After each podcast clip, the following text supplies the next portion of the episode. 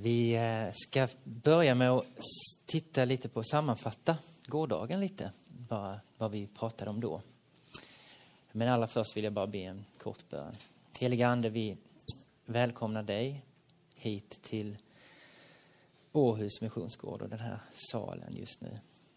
Vi ber att vi ska få ha höga förväntningar på dig. Att vi ska få ta emot ifrån dig idag. Vi ska få se lite mer av Jesus och livet med honom, vad det innebär idag. I Jesu namn. Amen. Igår så pratade vi om vad det innebar att vara lärjunge år 30. Det är ju lite dumt här att ni inte ser alla, men ni får ta det. Och eh, vi pratade då bland annat om att jag får krympa och Jesus får allt större plats i mitt liv. Eh, han måste bli större och jag bli mindre. Johannes döparen som sa det. Eh, vill ni ha en sammanfattning så kan ni få den sen. Ni kan skriva upp er på en mejllista så kan jag mejla ut sammanfattningen till de som vill ha den. Vad innebär det att vara lärjunge år 2013? pratar vi om. Och det var ju bland annat, vi återknöt till hur det var år 30. En lärjunge lyssnar, att vi behöver ta tid att lyssna. En lärjunge ser, att vi behöver iaktta Jesus. En lärjunge delar, delar livet med Jesus. Och en lärjunge samtalar, att vi behöver ha ett samtal med Jesus. Så att livet då kretsar inte längre kring mig, utan det kretsar kring Mästaren. Bli Guds efterföljare, ni som är hans älskade barn, sa Paulus. Och så kom utmaningen då. Jesus sa, följ mig. Vågar du anta den utmaningen?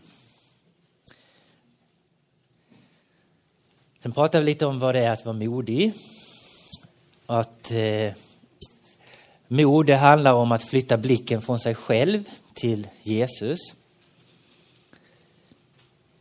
Ty den ande som Gud har gett oss gör oss inte modlösa utan är kraftens, kärlekens och självbehärskningens ande. Att vi får vara frimodiga och inte modlösa, vi får vara modiga.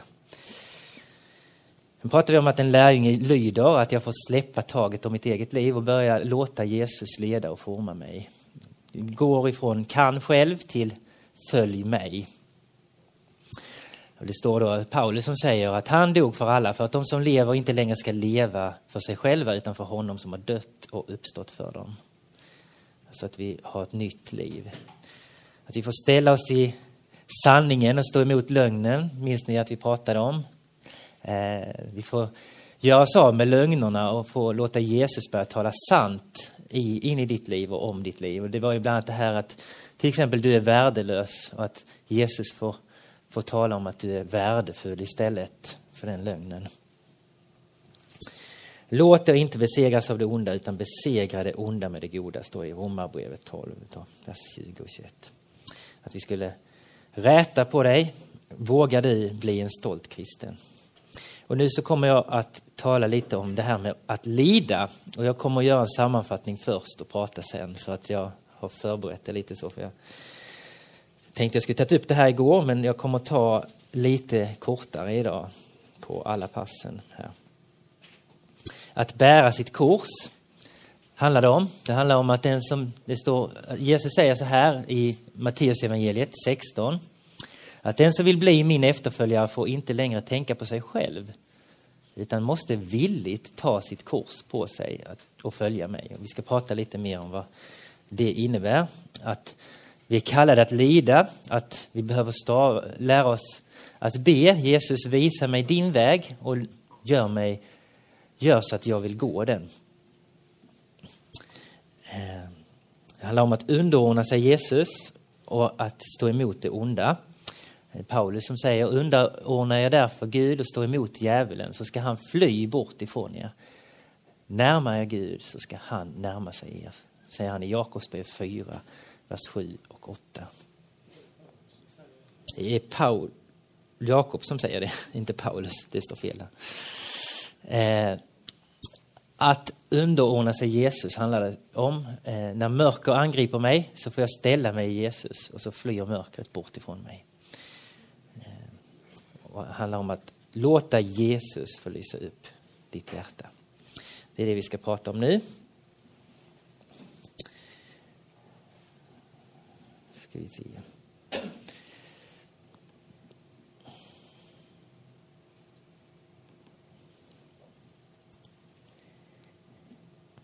Får ni sjunga en sång för er själva. Så ska vi se.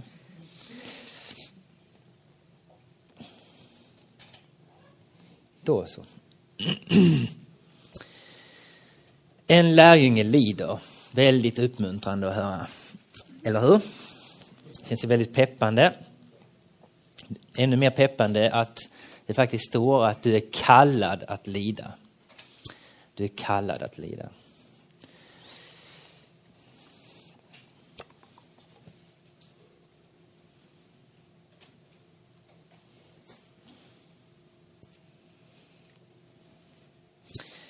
Så här säger då Paulus faktiskt, och inte någon annan. Eh, I Romarbrevet 5, vers 3-4. Men inte bara det. Alltså, det är inte bara fantastiskt att få dela allt det underbara med att vara kristen. Eh, vi jublar också mitt i våra lidanden. Eftersom vi vet att lidandet ger tålamod. Tålamoden ger fasthet och fastheten ger hopp.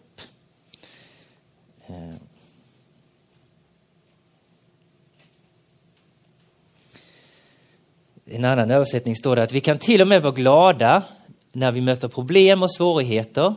För vi vet att det som är bra för oss, för vi vet att det är bra för oss. Det lär oss att vara tålmodiga, vi utvecklar vår karaktär och det hjälper oss att tro och hoppas på Gud mer och mer. Tills slutligen vårt hopp är säkert och vår tro är fast. Så vi är alltså kallade att lida.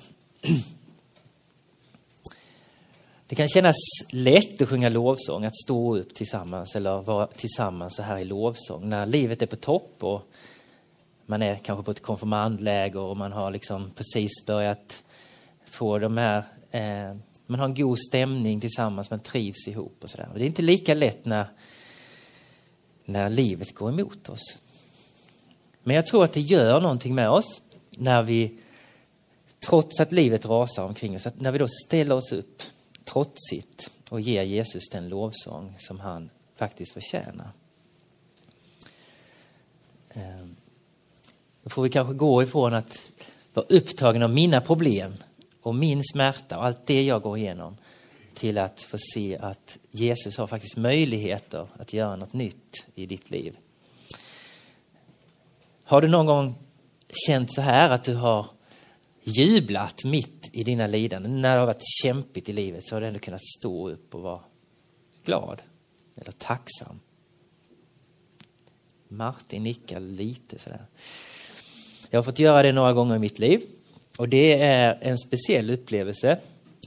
Jag tror verkligen precis som jag skrivit här att det, det händer någonting i oss när vi gör det. När vi trotsigt ställer oss upp mitt i när saker och ting rasar omkring oss och ändå säger att Jesus du är ändå underbar, Jesus du är ändå god. Jesus jag är ändå tacksam för allt det du gör i mitt liv. Gud han använder lidandet och motgången i våra liv för att forma oss. När vi går igenom saker så blir vi mer och mer beroende av, av Jesus. Vi kast, tvingas kasta oss på Jesus. Om vi väljer att inte vara upptagna med våra problem utan se Jesus möjligheter. Då kan vi också han får komma åt och forma oss och beröra oss och göra någonting med oss. En period i mitt liv då rasade verkligen allt. Jag var med i ett team som eh, var runt och eh, undervisade på olika ställen och drev kurser och sådär. Och det här teamet, det, det rasade liksom, det föll samman under den här perioden. Så jag stod helt plötsligt utan något sammanhang, utan något att göra, utan någon sysselsättning. Samtidigt så, så bröt jag upp en relation med en tjej som jag hade varit tillsammans med i över två år. Och livet verkligen rasade och det var väldigt mycket smärta i mitt liv. Men då minns jag att jag valde att ändå trotsigt ställa mig upp och sjunga lovsång till Gud. Mitt i smärtan. Och jag har sällan upplevt en sån närvaro. Att Gud verkligen har varit så nära. Det står ju faktiskt i Bibeln att Gud är all trösts Gud, att Gud vill trösta oss. Och när han får komma åt och trösta oss, när han får liksom komma åt oss mitt i den här smärtan, då kan han också göra något nytt i våra liv. Få forma något nytt i våra liv. Om ni skulle fråga alla stora ledare för företag eller eh, på alla positioner som har kommit, verkligen nått toppen eller verkligen fått stort inflytande. Och ni där nere som sitter och pratar och skrattar hela tiden, kan ni vara med lite också? Tack. Annars kan ni gå och hitta på något annat. Eh, alla stora ledare som har verkligen eh, nått stort inflytande, om ni skulle fråga dem när de har formats mest i sina liv, då kan jag svara på, jag kan vara säker på att du får svaret från i stort sett alla, att det var under en period då allting gick emot dig. Därför att det var då du tvingades verkligen tänka utanför dig själv. Du var tvungen till att göra det omöjliga möjligt. Du fick den där extra vreden eller kraften över att allting rasar runt omkring och kunde göra någonting mer. Därför så är det så faktiskt att ofta de perioder då Gud formar oss mest, det är inte alltid de perioder då allting känns toppen och, och jubel och klang och klapp och klang och så. Eh. Så det är lite utmanande, men det är inte desto mindre sant för det. Vi är kallade att bära våra kors. Var och en är kallad att bära sitt kors. Om någon vill gå i mina spår måste han förneka sig själv, säger Jesus, och ta sitt kors och följa mig. Den som vill bli min efterföljare får inte längre tänka på sig själv, en annan översättning samma, utan måste villigt ta sitt kors på sig och följa mig. Alltså det Jesus visar på här, det är att jag kan inte längre gå min egen väg och, och göra som jag vill. Jag behöver gå i hans efterföljd. Jag behöver ta på mig hans kurs. Det betyder att jag behöver leva mitt liv i den kallelse, den plan som han har för mitt liv. Det liv som han vill ge mig och det utmaningar som han vill ge just mig. Det betyder att jag kan inte titta på Martin och tänka så här, Martin, han läser ju nio kapitel i Bibeln om dagen och han, ja, han ber fem timmar om dagen. Jag ska kopiera hans liv så kommer det att bli perfekt. Så kan jag inte göra. Jag måste utgå ifrån vad jag är. Och jag kanske ber en minut om dagen. Det kanske är mitt kurs, det kanske är min utmaning. Jag kanske inte ens har kommit så långt så att jag tror på Gud. Och kanske min utmaning kan vara att, att försöka att fundera på om, och undersöka om det här kan vara något för mig. Ja. Ja, här har vi eh, här har vi en som har ett kors då att bära, en utmaning. Det kan vara Martin till exempel. Han har sin, sin utmaning från Gud, sitt liv eh, att leva. Om jag då tar på mig det här gigantiska korset så blir det alldeles för stort om jag tar Martins kors på mig. Jag behöver ha mitt kors, jag behöver ha min utmaning, jag behöver vandra med Jesus. Därför så kan jag inte kopiera alla andra utan jag behöver själv ha en relation till Gud. Jag kan inte leva i andras relationer till Gud utan jag måste själv ha en levande relation med Jesus. Vi ska prata mer om det här med att själv ha en levande relation till Jesus lite senare. Ehm. För att vara en lärjunge, det handlar om att vara beredd att vandra den väg som han har stakat ut för mig. Om du vill dela livet med Jesus så kan du inte bara dela glädjen och de här fantastiska stunderna. Då vill han vara en del av hela ditt liv. Han vill inte bara ha en liten bit av ditt liv. Han vill ha hela ditt liv. Han vill ha både smärtan och motgången, men också glädjen. Så här sa Frank Mangs, en stor evangelist på 50-talet, var det han sa det här, 50-60-talet. Och eh, han sa, många bär namnet men få bär korset. Alltså många kallar sig kristna men få tar det här med kristen tro på allvar. Det finns många som kanske kallar sig kristna men vill man verkligen vara en lärjunge till Jesus? Det är utmaningen. Som Paulus också sa, bli efterföljare, ni som redan är hans älskade barn. Låt honom börja forma er, låt honom börja börja ge det här livet som han har för dig. Nöj dig inte med att bara sitta med armarna i kors och säga att jag är ändå en kristen. Vad kan det då innebära att lida? Livet för Paulus, det var inte alltid så lätt. Nu är det Paulus den här gången, inte Jakob. Och eh, Paulus han, han var ju en eh, stor evangelist som reste runt stora delar av den värld som han hade på den tiden omkring sig och startade församlingar. Ni känner säkert till Paulus, många av er. Och mitt i allt det här som händer, många människor kommer till tro, han startar nya församlingar hela tiden, så, så ser vi att det var inte så enkelt. Så här skriver han själv i Andra Korinthierbrevet kapitel 10, vers 14. Ty av kärlek till den här världen har Demas övergett mig. Alltså Demas har lämnat den kristna tron för det blev för tufft att vara en kristen. Han ville så mycket hellre ha det andra livet som alla andra hade. Så Demas har lämnat mig och rest till Antiochia. Kresens har rest till Galatien och Titus till Dal, Dalmatien. Eh, alltså, här är två stycken som har fått åka vidare i nya uppdrag. Det kan också vara smärtsamt att lämna människor som man har nära sig, kristna vänner som har blivit betydelsefulla för en och så flyttar de vidare. Det finns en smärta i det. Kopparsmeden Alexander har gjort mig mycket ont, eh, skriver han också. Och i församlingen så kan det ibland vara så att eh, en del kanske sårar oss och inte vill reda ut. Så en del kristna kanske flyttar för att tjäna Jesus någon annanstans och det kan vara smärtsamt att förlora en nära vän. Det kan vara tufft på det sättet. Det är som, som när ett syskon flyttar hemifrån eller när ens bästa vän flyttar till en annan stad. Det är inte alltid så enkelt. Och en del lämnar sin tro på Jesus kanske. Och en del kanske sårar oss och vill inte reda ut. Så det kan vara ett lidande. Det kan vara ett lidande idag kanske.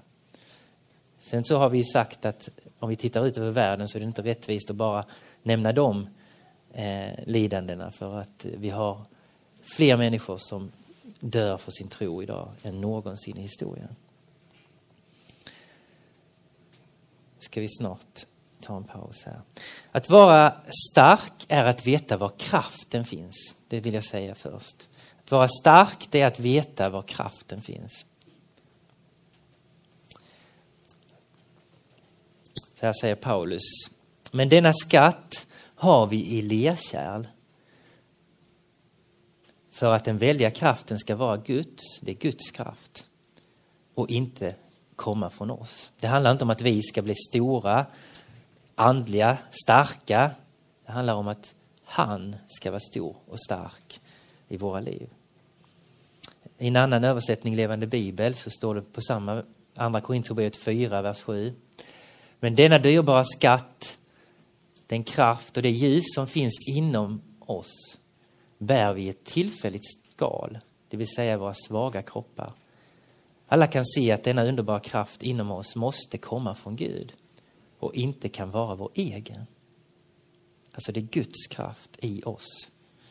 Så den heliga ande kommer med kraft i oss. Hur går det till? Tänk om, nu sitter ju en del här och sover och sådär. Jag gissar att de har varit uppe rätt sent igår kanske. Och sådär. Då har man inte så mycket kraft. Eh, så det behöver, man behöver veta lite hur man får kraft då. Om jag går ett par dagar och så äter jag inte på ett par dagar så är jag ganska så kraftlös. Så vi behöver ju låta Gud få fylla oss. Så vi behöver hämta kraft hos Gud, står det på flera ställen hämta kraft i den heliga Ande. Eh, och då gäller det att hämta kraft på rätt ställe och inte sitta med sin mobil och titta på andra saker när man pratar om, om eh, kraften som finns i den heliga Ande. För den heliga Andes kraft är så mycket underbarare än all underhållning du kan få i din mobil om du tittar på videos och annat eller så under tiden. Eh, för kraften finns hos källan, hos Jesus. Eh.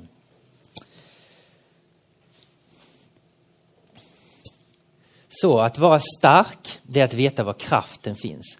Det handlar inte om att jag blir större och större och bygger upp mig andligt. Utan jag får vara en liten och en, ha en liten och enkel tro, men på en stor Gud. Jag får veta att Gud har makt att göra någonting. Det är inte jag som är stark, det är Gud som är stark. Det handlar inte om att bygga upp mig, utan det handlar om att jag får tro att Gud är stor och mäktig. Jag kan ha en bräcklig tro på en stor och stabil Gud. Jag kan ha en liten och enkel tro på en stor Gud. Så här sa Francis Schaeffer för 50-tal år sedan ungefär. Och jag tror det gäller idag också. Detta är inte en tidsålder då man kan vara en svag kristen. Då håller du inte ut, då kommer du inte överleva som kristen idag. Och när jag pratar då om stark så är det precis det jag sa nyss. Det handlar inte om att jag ska bli stark. Det handlar inte om att jag ska bli stor. Det handlar inte om att jag ska pumpa upp mig och bli andlig. Utan det handlar om att veta var kraften finns. Och faktiskt ta tid med att söka kraften, hämta kraft. Jag vet inte om jag ska berätta här, men jag tror jag gör det ändå. Eh, för ungefär ett halvår sedan så jag jobbar i en kyrka i Vasakyrkan i Kalmar. Eh, och eh, där kommer in människor lite nu och då. Det kommer in alla möjliga filurer. Och en dag så kom det in en man där eh, inte ett enda ord av det han sa var sammanhängande. Jag förstod ingenting av det han sa. Och så upplevde jag när jag stod och pratade med den här mannen, försökte prata med honom, att eh, Gud sa att det kommer att komma in någon som jag sänder och du kommer att förstå varenda ord. Och varenda ord kommer att vara glasklart och komma från mig. Så är det så att jag har en kollega, eller hade, hon har flyttat vidare. Smärta. Eh, eh, hon och jag, vi brukade träffas två timmar i veckan. En dag i veckan. Och det var nästan ingen som kände till det här. Så det var väldigt kort tid som hon och jag träffades och bad och var samlade och fokuserade på församlingen. Då. Och så en dag så kommer det in en man. Jag skulle säga att det är en ängel. Därför att han kom från ingenstans. Han bara trillar rakt genom, in genom dörren och kommer in i den här kyrkan och upplever att Gud har lett honom dit. Och så har han ett budskap dels sitter han ner och pratar i en kvart, 20 minuter. Varje ord han säger, det är glasklart. Jag tänkte jag skulle testa vad det här är för filur. Så jag tänkte jag kolla vad, vad han säger om ledarskap, eller vad en ledare bör vara. Och då så frågade jag honom då, vad, vad säger du att en ledare bör tänka på? Då sa han att idag ska jag säga, ät ordentligt, sov regelbundet och ta tid inför Jesu ansikte. Och sen så sa han att eh, den kraft, den atmosfär, det finns en speciell atmosfär i den här kyrkan och den kommer från Gud. Var rädda om den atmosfären. Jag skulle säga det här till er idag. Ät ordentligt, sov ordentligt och sök kraften där den finns. Och var rädda om den atmosfär som den heliga ande har lagt i dig. För den atmosfären kan faktiskt försvinna om inte du tar tid med Jesus. Och det skulle vara tufft att säga om inte jag hade gett er verktyg. Jag ska hjälpa er med det lite längre fram här också och prata lite om bibel och bön. Ty Gud som sa ljus ska lysa fram ur mörkret. Han har låtit ljus lysa upp våra hjärtan för att kunskapen om Guds härlighet som strålar fram i Kristi ansikte ska sprida sitt sken. Ta det en gång till. Det är Gud som sa ljus ska lysa fram ur mörkret har låtit lysa upp våra hjärtan för att kunskapen om Guds härlighet, den som strålar fram från Jesu Kristi ansikte, ska sprida sitt sken. Alltså vi får umgås med Jesus och hans sken får sprida sig i en mörk värld. Hans ljus får sprida sig i en mörk värld. Andra Korinthierbrevet 4, vers 6 var det. Eh, snart slut på det här passet. Att låta Jesus få lysa upp mitt hjärta det är så här att mörker kan angripa mitt hjärta. Jag kan få mörka tankar, jag kan få frestelser och annat. Och mina tankar, när de gör det, då kan jag få hämta kraft hos Jesus, hämta ljus hos Jesus. Eh, de här onda tankarna och onda sakerna kommer in i mitt hjärta och i mina, mitt huvud och vill angripa mig, då får jag tänka att Jesus bor i mitt hjärta och hans ljus får attackera de här mörka tankarna. Det är därför det är så viktigt att ta tid med Jesus och låta honom fylla mig. För när han har fyllt mitt hjärta, fyllt mitt inre, då har de här tankarna, de här angreppen inte den makt över mig. Så jag får vara en spridare av ljus i en mörk värld.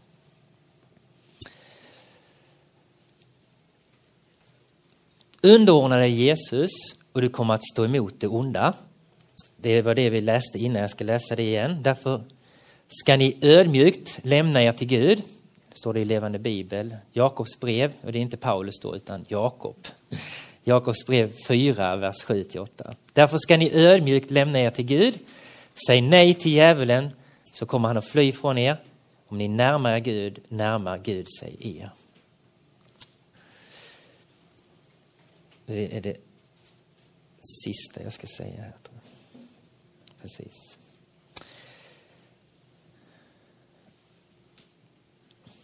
Så att eh, vi får underordna oss Jesus. Vad innebär det då? Jo, det innebär att jag ställer mig i Jesus.